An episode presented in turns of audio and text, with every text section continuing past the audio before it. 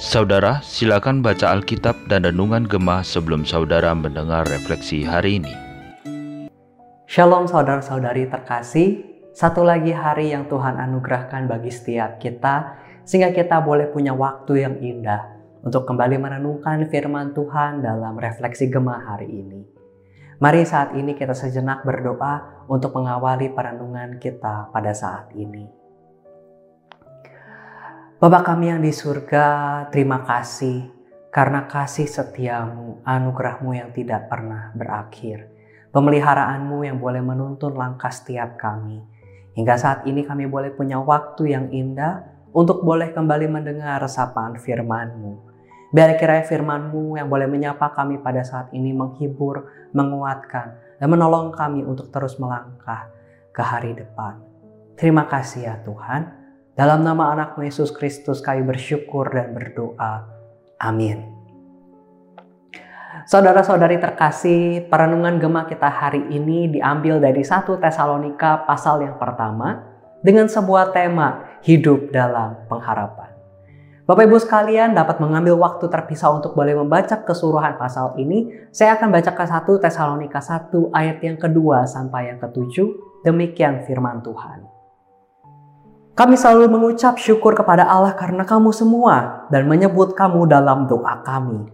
Sebab kami selalu mengingat pekerjaan imanmu, usaha kasihmu, dan ketekunan pengharapanmu kepada Tuhan kita Yesus Kristus di hadapan Allah dan Bapa kita.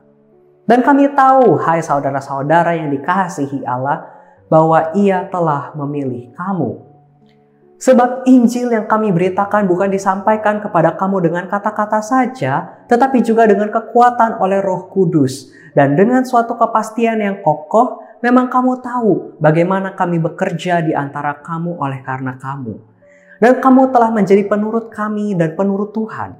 Dalam penindasan yang berat, kamu telah menerima firman itu dengan sukacita yang dikerjakan oleh Roh Kudus, sehingga kamu telah menjadi teladan untuk semua orang percaya di wilayah Makedonia dan Akhaya. Sampai sedemikian jauh pembacaan firman Tuhan kita. Saudara-saudari terkasih, perenungan hari ini bertemakan hidup dalam pengharapan.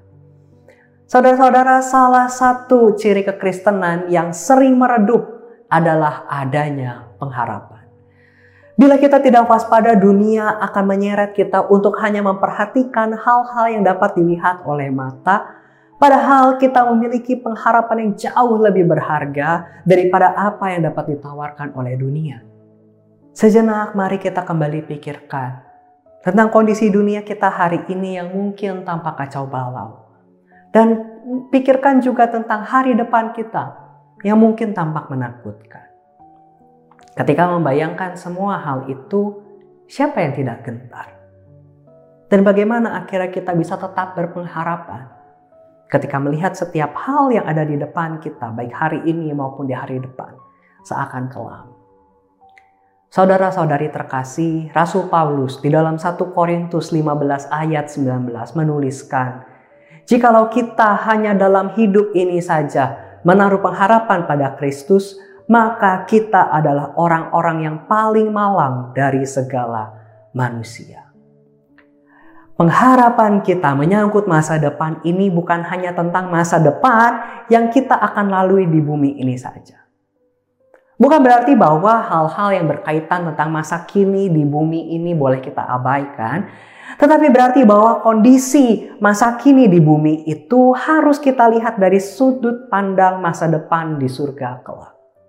Di dalam kehidupan kita saat ini kita memerlukan uang, rumah, mobil, dan barang-barang lainnya akan tetapi semua yang kita miliki akan kita tinggalkan saat kita mati. Oleh karena itu, mengabaikan kehidupan sesudah kematian itu merupakan sebuah kebodohan. Tuhan Yesus pernah memberikan sebuah perumpamaan tentang orang kaya yang menimbun kekayaan yang bisa memenuhi kebutuhannya hingga bertahun-tahun ke depan. Akan tetapi Tuhan Yesus bersabda, Hai engkau orang bodoh, pada malam ini juga jiwamu akan diambil daripadamu. Dan apa yang telah kau sediakan untuk siapakah itu nanti? Saudara-saudari, bacaan Alkitab hari ini adalah surat Rasul Paulus kepada jemaat Tesalonika. Rasul Paulus merintis jemaat ini di dalam kondisi yang sulit karena orang-orang Yahudi di kota itu menentang pemberitaan Injil. Dan kisah Rasul 17 mencatat bagaimana Rasul Paulus hanya bisa melayani jemaat ini di dalam waktu yang sangat singkat. Dan dari situasi ini secara logika saja mungkin kita bisa menyangka bahwa jemaat itu akan segera bubar setelah Rasul Paulus meninggalkan mereka. Akan tetapi bacaan Alkitab hari ini memperlihatkan perkembangan yang sebaliknya. Mereka merespons firman Tuhan dengan ketaatan. Iman mereka telah membuat mereka berubah dari penyembah berhala menjadi orang yang melayani Allah. Padahal di waktu itu umat Kristen mengalami penderitaan yang berat yang dimotori oleh orang-orang Yahudi yang menentang pemberitaan Injil di Tesalonika. Saudara-saudari, apa yang akhirnya memampukan mereka untuk bisa bertahan? Ya, pengharapan. Bukan hanya mencari pengharapan di masa depan dalam kacamata kehidupan di dunia, namun terutama adalah pengharapan akan hal-hal surgawi.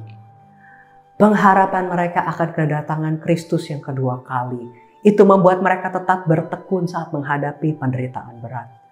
Sehingga jemaat Tesalonika menjadi teladan bagi jemaat-jemaat lain sampai seluruh provinsi Makedonia dan Akhaya.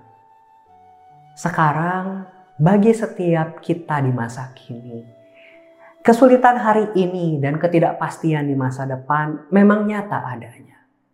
Kita tidak bisa mengabaikan dan menganggap semua ketakutan itu tidak ada.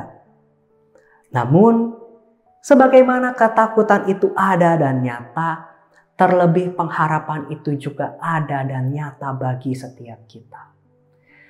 Pengharapan itu ada, menjadi kekuatan dan penghiburan bagi setiap kita yang percaya. Pertanyaannya, masihkah saudara-saudari menantikan kedatangan Kristus yang kedua kali? Dan apakah pengharapan Anda tentang hal-hal surgawi ini telah mempengaruhi kehidupan Anda hari ini. Mari kita bersama berdoa. Bapa kami yang di surga, ajarlah kami di dalam setiap langkah kami untuk dapat memandang hanya kepada pribadimu saja. Ajarlah kami di tengah gemerlap dan terangnya dunia ini, di tengah kuatnya dunia menarik perhatian kami Ajarlah agar seluruh diri kami, hati, pikiran, seluruh keberadaan kami hanya memandang kepadamu. Sehingga segala yang ada di dunia ini menjadi pudar dan kami dapat berfokus kepada Engkau. Sehingga di dalam langkah perjalanan hidup kami, kami dapat beroleh pengharapan. Kami dapat mendapat kekuatan. Kami dapat terus berjalan hidup di dalam pengharapan. Terima kasih ya Tuhan. Dalam nama anak Yesus Kristus, kami bersyukur dan berdoa. Amin.